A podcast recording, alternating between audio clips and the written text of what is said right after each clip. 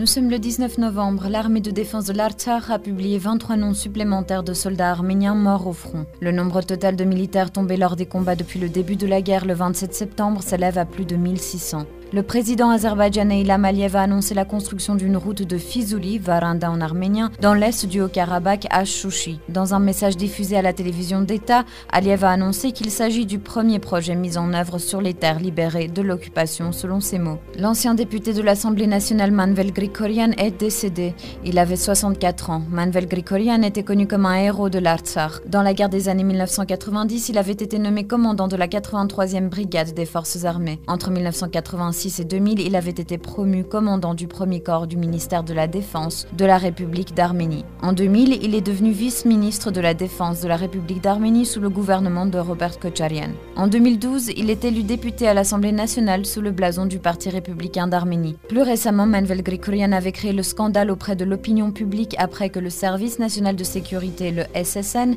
ait découvert une possession illégale d'armes et de munitions, d'évasion fiscale, gaspillage de fonds publics et de détournement de biens. Il avait été arrêté par le SSN en 2018. Depuis 2019, la santé de l'ex-homme politique et militaire s'était considérablement détériorée. Le 18 novembre, le ministre russe des Affaires étrangères Sergei Lavrov a reçu les co-présidents du groupe de Minsk de l'OSCE Igor Popov de la Russie, Stéphane Viscontin France, Andrew Sheffer États-Unis, ainsi que le représentant personnel du président en exercice de l'OSCE Andrei Kasperchik en charge de la résolution du conflit du Haut-Karabakh depuis les années 1990. Cela a été rapporté par le service de presse du ministère russe des Affaires étrangères. La situation actuelle dans le Haut-Karabakh a été longuement abordée par les partis. Selon le service de presse du ministère russe des Affaires Affaires étrangères, la question de la coordination des efforts de médiation des trois pays a été particulièrement soulevée.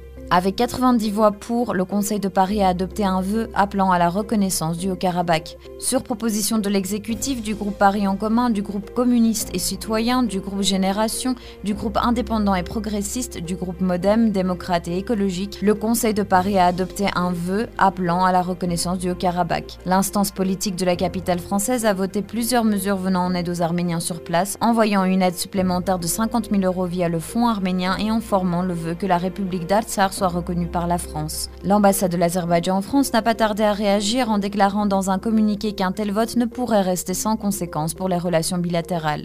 La maire de Paris, Anne Hidalgo, va demander au gouvernement français de lever l'interdiction faite aux collectivités territoriales d'entretenir des relations avec le Haut-Karabakh, autorisant ces dernières à coopérer avec la République du Caucase dans le cadre de l'aide humanitaire. Le Sénat, quant à lui, examinera le 25 novembre une résolution proposant la reconnaissance de l'Artsar. Plusieurs sénateurs ont déposé le 18 novembre une proposition de résolution en vue de la reconnaître comme État indépendant. Selon le président du groupe des sénateurs Les Républicains, LR et co-dépositaire de la proposition, Bruno Seule son indépendance peut garantir durablement les droits et libertés des populations du Haut-Karabakh face à l'expansionnisme islamiste turc. Si jamais la proposition est adoptée, cette résolution tient toutefois un caractère de recommandation et n'obligera en rien le gouvernement à l'appliquer. Ara Evasian a été désigné ministre des Affaires étrangères de l'Arménie après la démission de Zohrab Natsakanyan. Ayvazyan a été ambassadeur d'Arménie au Mexique de 2016 à 2020 et ambassadeur de l'Arménie en Lituanie de 2011 à 2016. Armen Abazian a quant à lui été désigné nouveau directeur du service de sécurité nationale, remplaçant ainsi Mikhail Hambartsunian à ce poste. Il était avant cela vice-directeur du SSN. Annie Paitian pour CivilNet.